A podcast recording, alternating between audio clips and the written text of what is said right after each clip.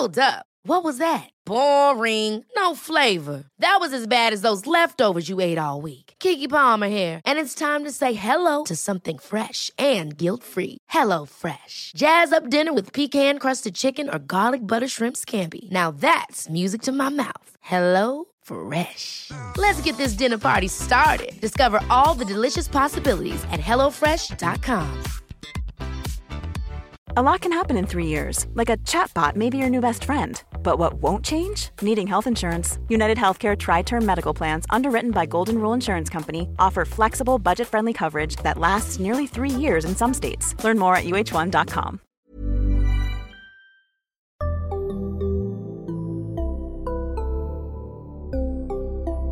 Barnpsykologerna. Hej och välkomna till Barnpsykologerna, en podcast med Liv Svirsky och Lars Klintvall. Idag är det jag, Liv Svirsky, som träffar vår gäst Erika Mattelin eh, som är här för att berätta för oss om trauman och behandling av barn som har utsatts för trauman. Välkommen Erika. Du kan väl börja med att presentera dig själv för våra lyssnare. Ja, Erika Mattelin heter jag och jag jobbar som psykolog på Rädda Barnen och som doktorand på Linköpings universitet. Och jag jobbar framförallt med barn som har varit med om svåra saker på båda mina tjänster och hur det kan påverka barn. Alltså svåra saker, då menar du det vi kallar trauma? Ja, det menar jag. Kan inte du definiera, vad är ett trauma? Ja, trauma är ju den kanske mer så vardagliga beskrivningen av när en person har varit med om någonting som vi skulle beteckna som riktigt svårt. Exempelvis varit med om våld eller varit med om en olycka. Eh, och sen fått symptom efter det. Alltså, och med symptom menar vi att det, att det märks på barnet att barnet kanske får svårare att sova eller att barnet mår sämre. Och är det det då som vi definierar som PTSD, alltså posttraumatisk stresssyndrom? Eller var går gränsen för att det är ett PTSD?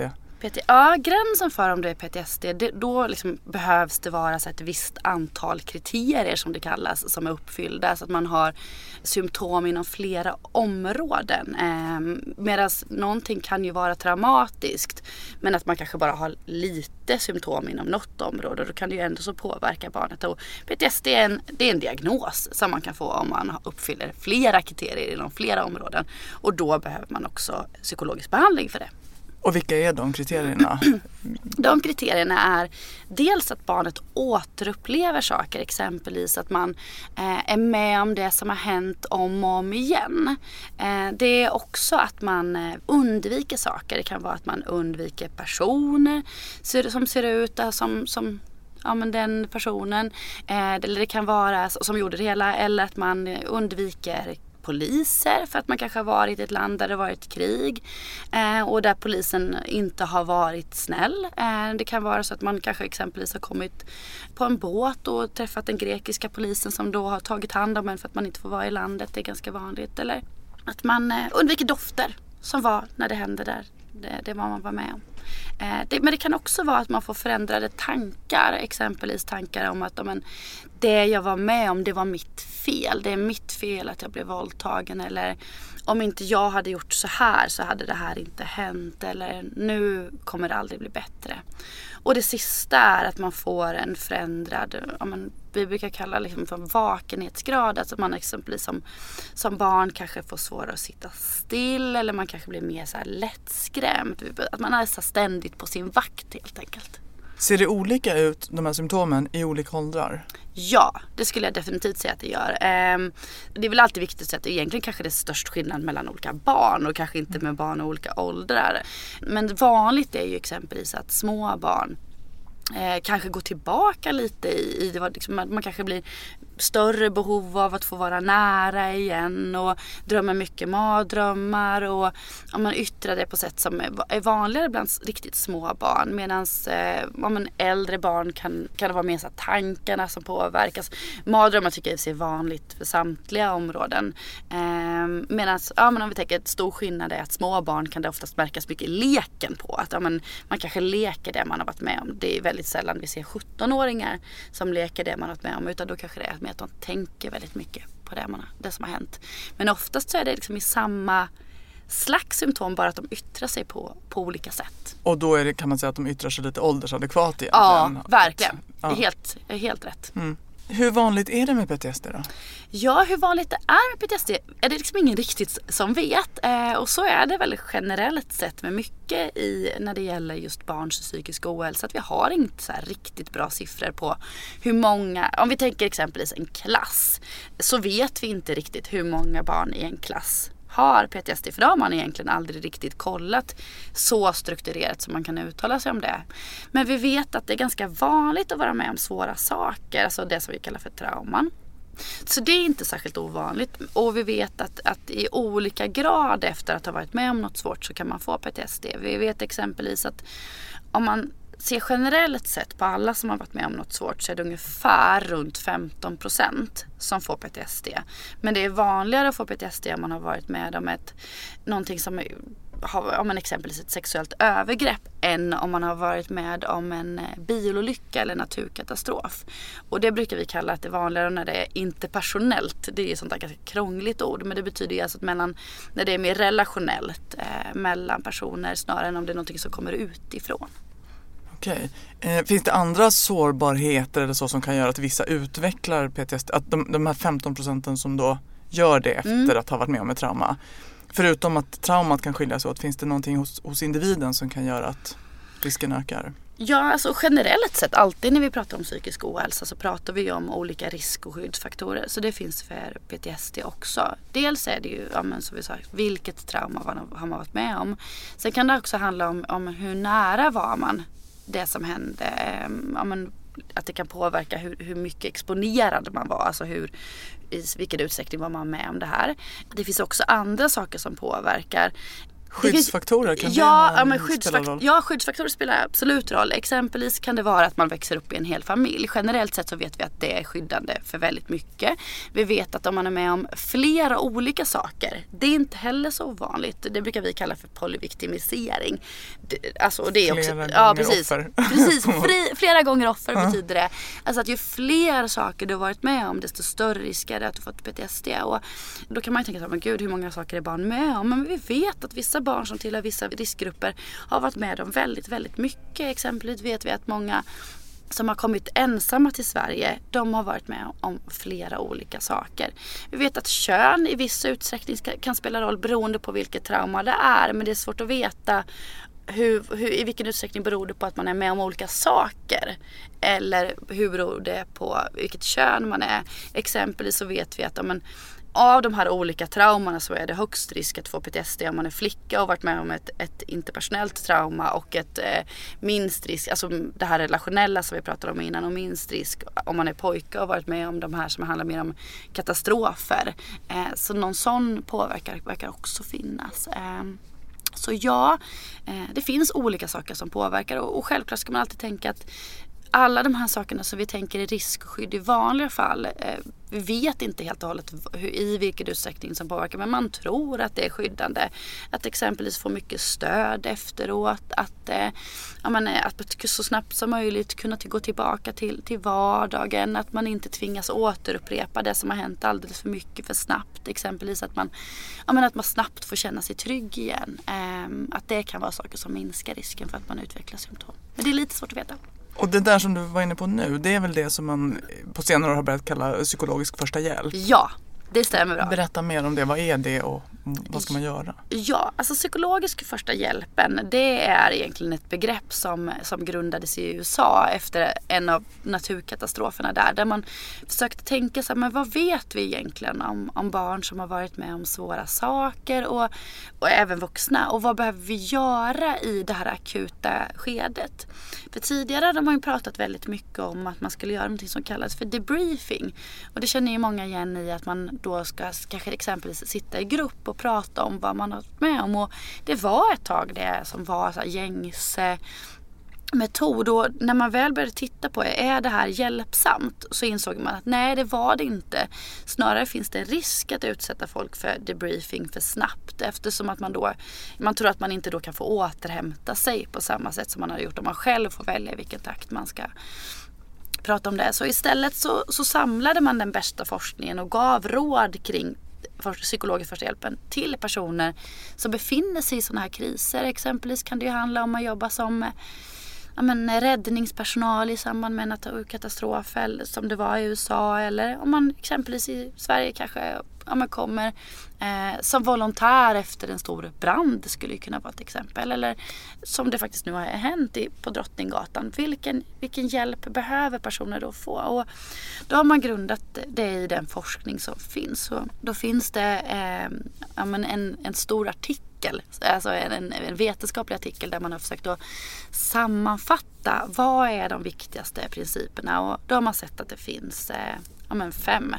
principer som tycks vara viktigt för det här. Och vilka är de fem? Eh, ja, alltså det allra viktigaste tycks vara liksom att man snabbt kommer till känslan av så här, trygghet och säkerhet. Att man, om jag är med i någonting, att jag snabbt tas ifrån den akuta situationen. Så säg att jag är ett barn och att jag är med om något riktigt svårt, att jag snabbt kommer från den här krisen och kanske in i ett lugnt och tryggt rum där jag får eh, känna att men nu, nu är jag skyddad från, från det här.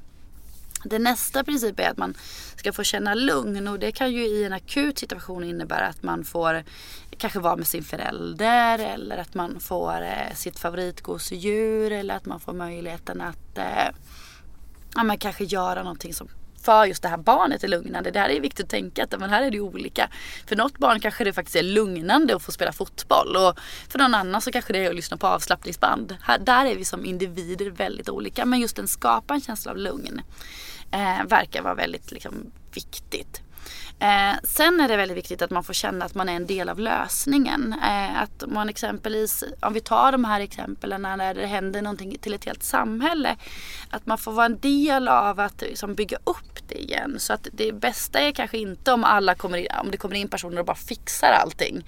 Utan att man får känna, okej okay, men vi är kanske med och bygger upp vår kyrka igen om något sånt har hänt. Eller jag får vara med och dela ut filtar. Alltså att man känner att man har en känsla av, av, eh, av makt. För det är också mycket det det handlar om att vara med om trauma. Att man tappar kontrollen, man tappar makten över sin egen situation. Och att få, få återta den genom att göra saker som är, som är hjälpsamt. En fjärde grej är att känna att man tillhör ett sammanhang. Alltså att få känna att man eh, är en del av, av gruppen, att man är med, ehm, att man har ett socialt stöd. Så på kort sikt så kan ju det innebära att man får vara med personer som man, som man känner väl och, och får ja, men stöd av dem. Men på lång sikt exempelvis personer som kanske har kommit eh, ja, men till ett nytt land efter det som har hänt så kan ju det handla om att få bygga upp ett socialt stöd. Att känna att men, här, är jag, ja, men här är jag efterlängtad och jag finns i ett sammanhang där folk bryr sig om att vi helt enkelt faktiskt kan göra väldigt mycket för barn genom exempelvis att stötta kamratrelationer. Det kan vara psykologisk första hjälpen att sätta någon i ett fotbollslag. Och det femte är hopp. Det är ju så här ganska diffust kan det ju låta. Vad är hopp då? Hopp kan vara att gå i terapi. Ehm, för det innebär ju ofta att om jag får gå i behandling så känner jag att det här kan bli bättre. Jag befinner mig inte i det här konstanta att ja, men, allt är hopplöst och det finns ingenting att göra åt. Utan okej, okay, men du, du mår så här efter det du har varit med om. Det finns terapi, det finns hopp. Sen är det väldigt viktigt, att det är en ganska så här västerländsk syn på hopp. Eh, om man tittar på i andra kulturer, eller religioner så kan det ju vara så att religion är väldigt, väldigt mycket hopp. Så det kan vara också att hjälpa ett barn att få tillgång till att utöva den tro man tror på. Att det är ett barn som kommer och någonstans och känner att jag vill gå i kyrkan och tänka att det här kan vara väldigt, väldigt viktigt för att främja återhämtning. Så de fem principerna är det liksom man har grundat sig på. Och så har skrivit ett långt dokument som kallas psykologisk första hjälpen. Och det finns eh, att tillgå på flera olika ställen på nätet exempelvis om man vill läsa på mer. För det här tillämpas även i Sverige vid Absolut. trauman? Det, det tillämpas och har översatts till svenska. Så det finns både på engelska och svenska. Och eh, i Uppsala på, på, eh, på Uppsala universitet så har man en enhet som är riktigt duktiga mm, på det här. Okay. För jag tänker att det här låter ju som något råd som egentligen gemene man bör känna till. Att träffar man någon som är utsatt för ett trauma så ska man försöka tänka på de här mm. sakerna. Och kanske först då de första punkterna. Mm. Erbjuda lugn, trygghet, mm. samvaro. Mm. Och precis så är det. Att det här är ju råd för icke-professionella. Sen så blir det ju professionella när vi kommer exempelvis till hopp och terapi. Men det här handlar ju om vad kan jag som individ göra i en krissituation. För nu är vi liksom lite på psykologisk första hjälpen. Om vi tänker vanlig första hjälpen då tänker vi väldigt mycket så här, men HLR exempelvis, hjärt och lungräddning. Det är ju någonting som vi alla tänker att om jag kan göra en liten bit av det här innan ambulansen kommer. Och precis på lite samma sätt tänker jag att man kan tänka som individ. Okej okay, men vad kan jag göra i den här situationen? Men jag kanske kan se till att snabbt som 17 se till att det här barnet kommer till en plats som upplevs mer säkert och fråga barnet så här, finns det någonting jag kan göra för att du ska kunna känna att det känns lite bättre och att då kanske om barnet säger att jag vill få ringa till min mormor. Ja då behöver vi se till att barnet får ringa sin mormor. Eh, för det kan vara väldigt, väldigt viktigt. Eh, och, och, allt det här då är ju syftet att återhämta för att också då minska risken att utveckla ja. PTSD.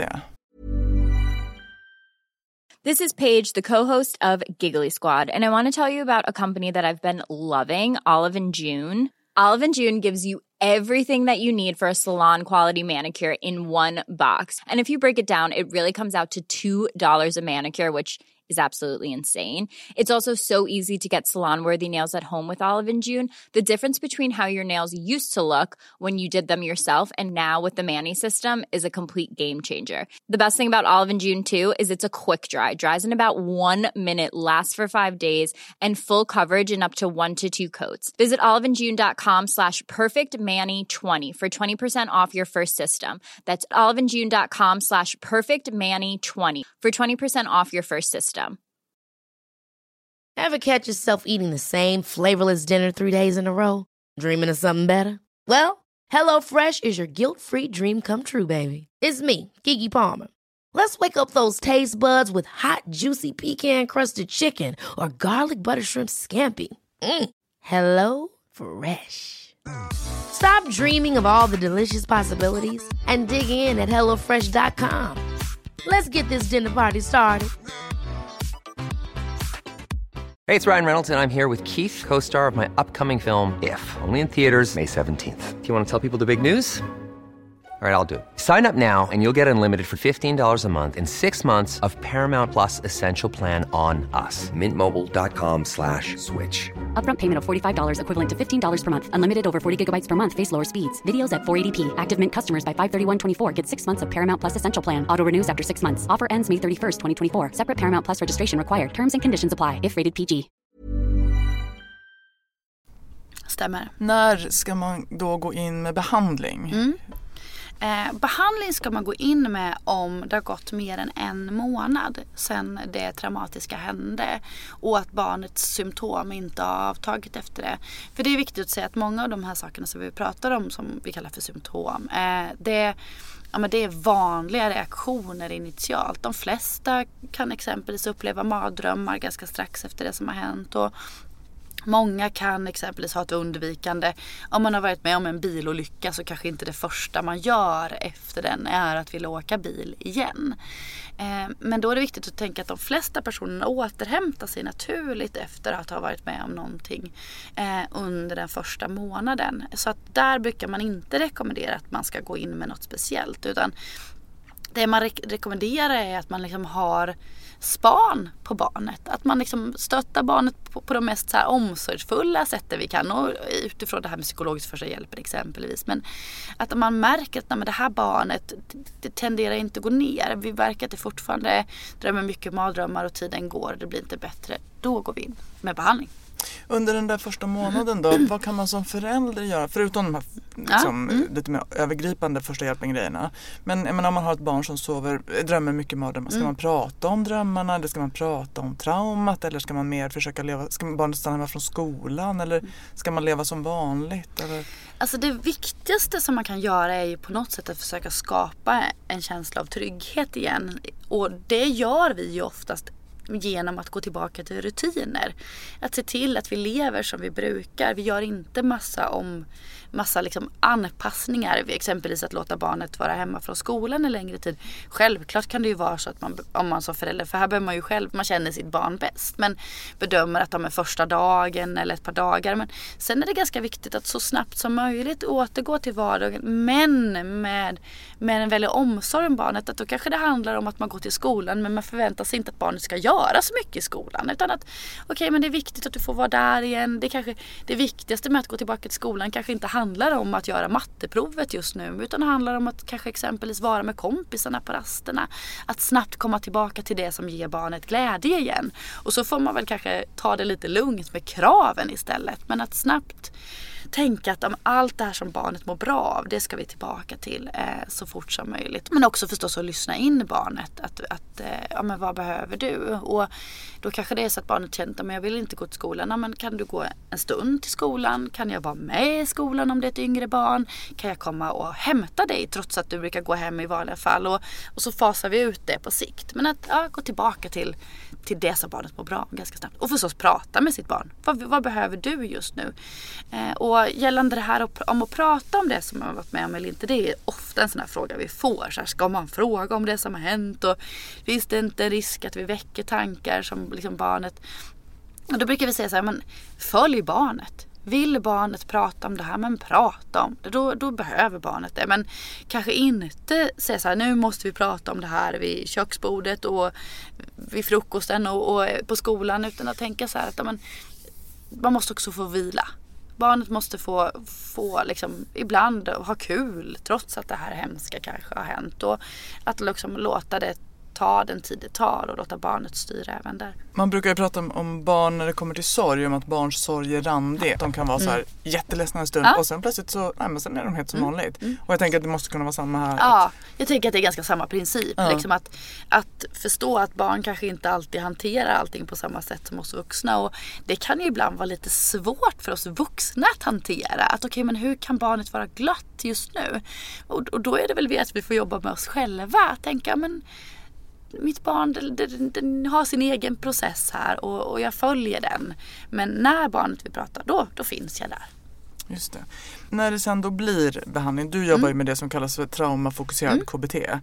Eh, berätta, vad är det för något? Ja, eh, traumafokuserad KBT är eh, en metod som är helt utformad för barn som har varit med om svåra saker. Den har eh, utformats i USA och var från början för barn som har varit med om olika former av sexuella övergrepp. Och har funnits i uppåt 30 år nu så under den här tiden har man också testat den för massa andra olika former av trauman. Exempelvis för eh, ja, men, massa olika saker man kan vara med om. Och den här behandlingen innebär att man ganska strukturerat, eller rätt sagt väldigt strukturerat, eh, jobbar med åtta moduler under en begränsad tid.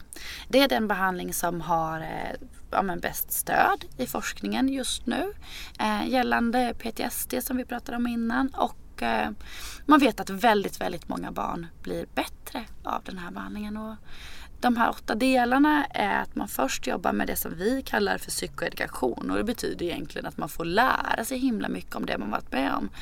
Lite grann av det vi har pratat om nu. Vad är ett trauma? Och hur kan man må efter det? Eh, vad finns det för hjälp att få? Många barn kan exempelvis tro att jag är den enda i hela världen som har varit med om det. Och det är ju tyvärr väldigt sällan sant utan oftast är det ganska vanligt det man har varit med om. Och att få höra det kan i sig vara väldigt skönt. Nästa steg är att vi jobbar med att hjälpa barnet att lugna sig. Avslappningsövningar. Tredje steget är att vi jobbar med att lära barnet att prata om känslor. För det är oftast någonting som kan bli förvirrat när man är med om något svårt. Alltså, mm, att man tänker mycket mer negativa känslor. Och här kan man behöva prata om, om vilka känslor finns och vilka känslor har jag när jag mår bra och vilka känslor har jag när jag mår dåligt. Och, och kunna börja prata om dem. För att i fjärde steget så kopplar vi ihop tankar, känslor och beteenden och jobbar med det. Och alla de här grejerna tror jag att de flesta som har hört talas om KBT generellt känner ganska väl igen. Det här är ganska vanliga sätt att jobba med barn. Det femte steget är det som kanske blir lite mer eh, men, traumaspecifikt. För då pratar vi om det barnet har varit med om på ett strukturerat sätt. Eh, och oftast gör man det genom att barnet får skriva en bok om det man har varit med om. Eh, men det här anpassar vi efter barnet. Så vill barnet hellre sätta upp en pjäs där den beskriver vad jag har varit med om eller skriva en dikt. Ja men då gör vi det. Här är det utifrån barnet. Och det här går ju, det kan ju låta väldigt liksom, oj ska ni prata om det här jättemycket. Men det här går väldigt, väldigt långsamt till. Så man gör det här gradvis brukar vi säga. Att vi börjar med att prata det, ja, man pratar väldigt övergripande till att gå mer och mer in i detaljer om det som har hänt. Och anledningen till att man gör det, det är för att vi ofta, när vi är med om något svårt så vill vi skjuta undan det vi har varit med om. Och oftast är det det som blir problemet. Att genom att försöka att inte tänka på det så tänker man jättemycket på det. Så här behöver vi närma oss det det sjätte steget det är att vi gör det här fast in real life. Alltså att vi gör det i, i, verk, i verkligheten. Så säg att barnet har varit med om en bilolycka. Ja då åker vi bil. Har barnet varit med om vad ska vi säga, ett sexuellt övergrepp i en skog. Då går vi till den skogen så att barnet kan vara i den skogen igen. Eh, har eh, barnet blivit rädd för en person som ser ut på ett visst sätt då, då träffar vi personen för att se ut på det här sättet. Och syftet med det här det är ju att barnet ska kunna leva sitt liv som vanligt. Så vi tränar ju inte på saker som barnet inte behöver kunna. Um, har exempelvis barnet varit i ja, men, på, på en plats där vi tänker att det är otryggt eller osäkert att vara. Ja, men då, då tränar vi inte på det utan vi tränar på det som barnet behöver för att kunna men, leva sitt liv den sjunde delen efter det här det är att man träffas med föräldrar och barn tillsammans och pratar om det som har, som har hänt. Mm. Eh, så det, fram till dess är barnet i princip själv i behandlingen med terapeuten? Ja, så här ser det ut. Eh, jag träffar alltid barnet eh, själv jag träffar föräldern själv. Så föräldern gör ett parallellt jobb samtidigt som barnet. Och så träffar jag alltid föräldrar och barn eh, en kort stund på slutet. Så säg om vi tar exempelvis psykoedukation. Eh, då går jag först igenom vad är trauma för barnet och pratar om det. Sen går jag igenom det med föräldrarna. Och sen så sätter vi oss gemensamt och pratar om och oftast gör vi det genom att barnet får för, berätta för föräldern vad har den lärt sig. Så att då blir det också en, så här, en repetition för både barn och föräldrar. Barn, eller, eller att vi gör något ganska lekfullt kring det. Men när vi kommer då på den här näst sista modulen då är det helt ägnat åt det gemensamma arbetet. För syftet är då att barnet ska få berätta sin berättelse för föräldern. För då är det också i slutfasen där jag egentligen ska fasa ut mig själv. Och anledningen till att man gör det här det är för att man oftast har börjat undvika att prata om de här sakerna i hemmet. Så det jag gör det är att jag liksom låter barnet och föräldern äga sin berättelse ihop. Och egentligen tränar väldigt mycket för hur ska ni prata i framtiden om det här? Om det här dyker upp, hur ska ni kunna hantera det här i vardagen och, och föra det här samtalet?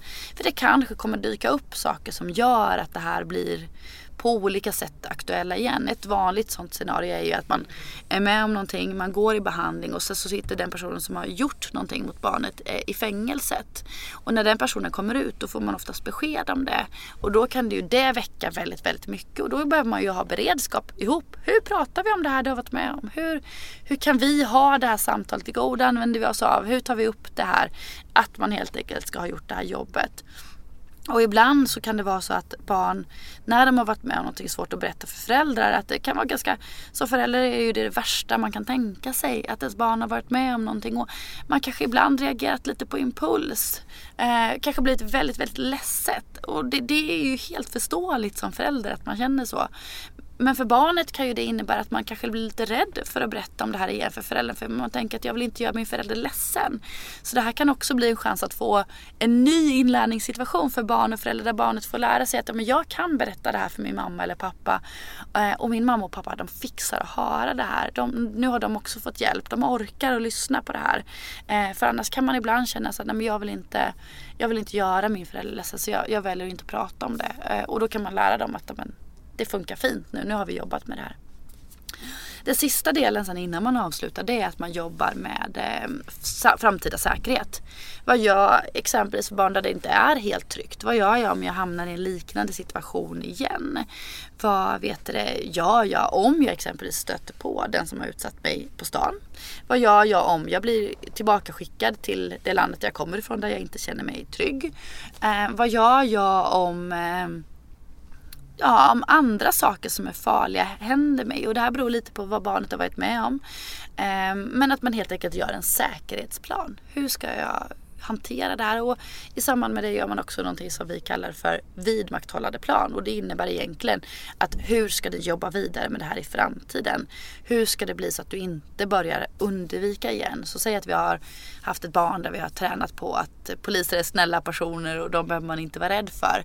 Då kanske jag exempelvis vill att man fortsätter att hänga väldigt mycket med poliser. Att man tar gärna vägen förbi polisstationen eller då har vi oftast tränat på var, var, var finns det mycket poliser. Eh, Ehm, så att man liksom inte börjar liksom glömma bort det man lärde sig i behandlingen utan man kan gå tillbaka till det. Och på slutet har vi fest. Det är ju någonting som är väldigt lyxigt som TFKBT-behandlare att vi har alltid fest på slutet och den festen den bestämmer barnet. Så att ofta innebär det här tårta. Det innebär ofta serpentiner och girlanger. Det innebär ofta att eh, vi har det väldigt, väldigt mysigt. Och det här berättar vi redan från första början att nu ska vi göra ett avgränsat jobb. Barnet ska veta att det här börjar och tar slut. Det här är inte en evighetsgrej utan ofta rör vi oss mellan 8 och 16 tillfällen och då ska barnet veta det så att inte det här blir okay, du ska gå till den här personen jämt och prata om det här jättejobbiga.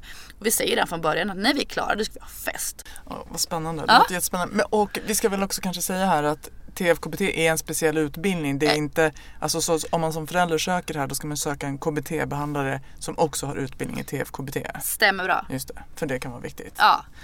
Eh, och då sa du behandlingsresultaten är goda? Jättegoda och det är ju väldigt roligt liksom, mm. att känna att man när man går in i behandling så vet vi att de, att de allra flesta barn blir avsevärt bättre av den här behandlingen. Och det är ju någonting jag tycker, liksom, där brukar vi verkligen prata om i början av behandlingen. För att ofta kan ju det här skapa en så stor känsla att nu har det här hemska hänt. Väldigt mycket i barnets vardag kan kretsa kring det här som alla benämner som det här svåra. Men att också komma in med det här hoppet kring att nu du kan göra någonting åt allt det här som har blivit som pålagor av det jag varit med om. Att få en möjlighet att, att komma vidare. Tiden går så snabbt ja. när man har roligt. Ja. så vi ska sätta punkt. Eh, sista frågan bara. Om man nu söker en sån här mm. behandling för sitt barn, vart vänder man sig? Då kan man ju börja med att vända sig till sin barnpsykiatriska mottagning eh, och, och, fråga just efter att men mitt barn har varit med om något svårt. Jag tror att det har symptom på PTSD och jag skulle vilja ha en TFKBT-behandling. Och då kan de inte erbjuda det så är det viktigt att fråga att, men vart vill ni då att jag vänder mig istället? Så att man kan få rätt behandling. Mm. Jättebra tips, jätteintressant och informativt tänker jag för både mig själv och den som lyssnar hoppas vi. Tack Erika för att du kom hit idag och berättade för oss. Och tack till er som lyssnar. Eh, det kommer snart nya avsnitt så håll koll på oss och följ oss på Barnpsykologerna på Facebook. Hej då! Hej då!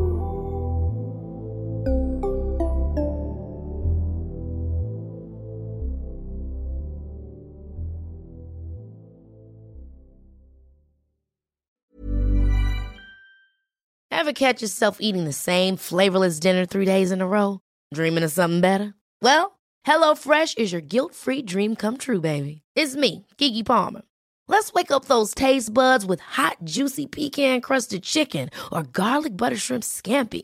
Mm. Hello Fresh.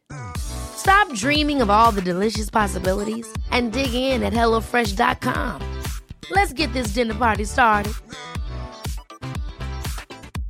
Imagine the softest sheets you've ever felt. Now imagine them getting even softer over time. That's what you'll feel with Bowl and Branch's organic cotton sheets. In a recent customer survey, 96% replied that Bowl and Branch sheets get softer with every wash. Start getting your best night's sleep in these sheets that get softer and softer for years to come. Try their sheets with a 30-night guarantee. Plus, get 15% off your first order at bowlandbranch.com. Code BUTTERY. Exclusions apply. See site for details.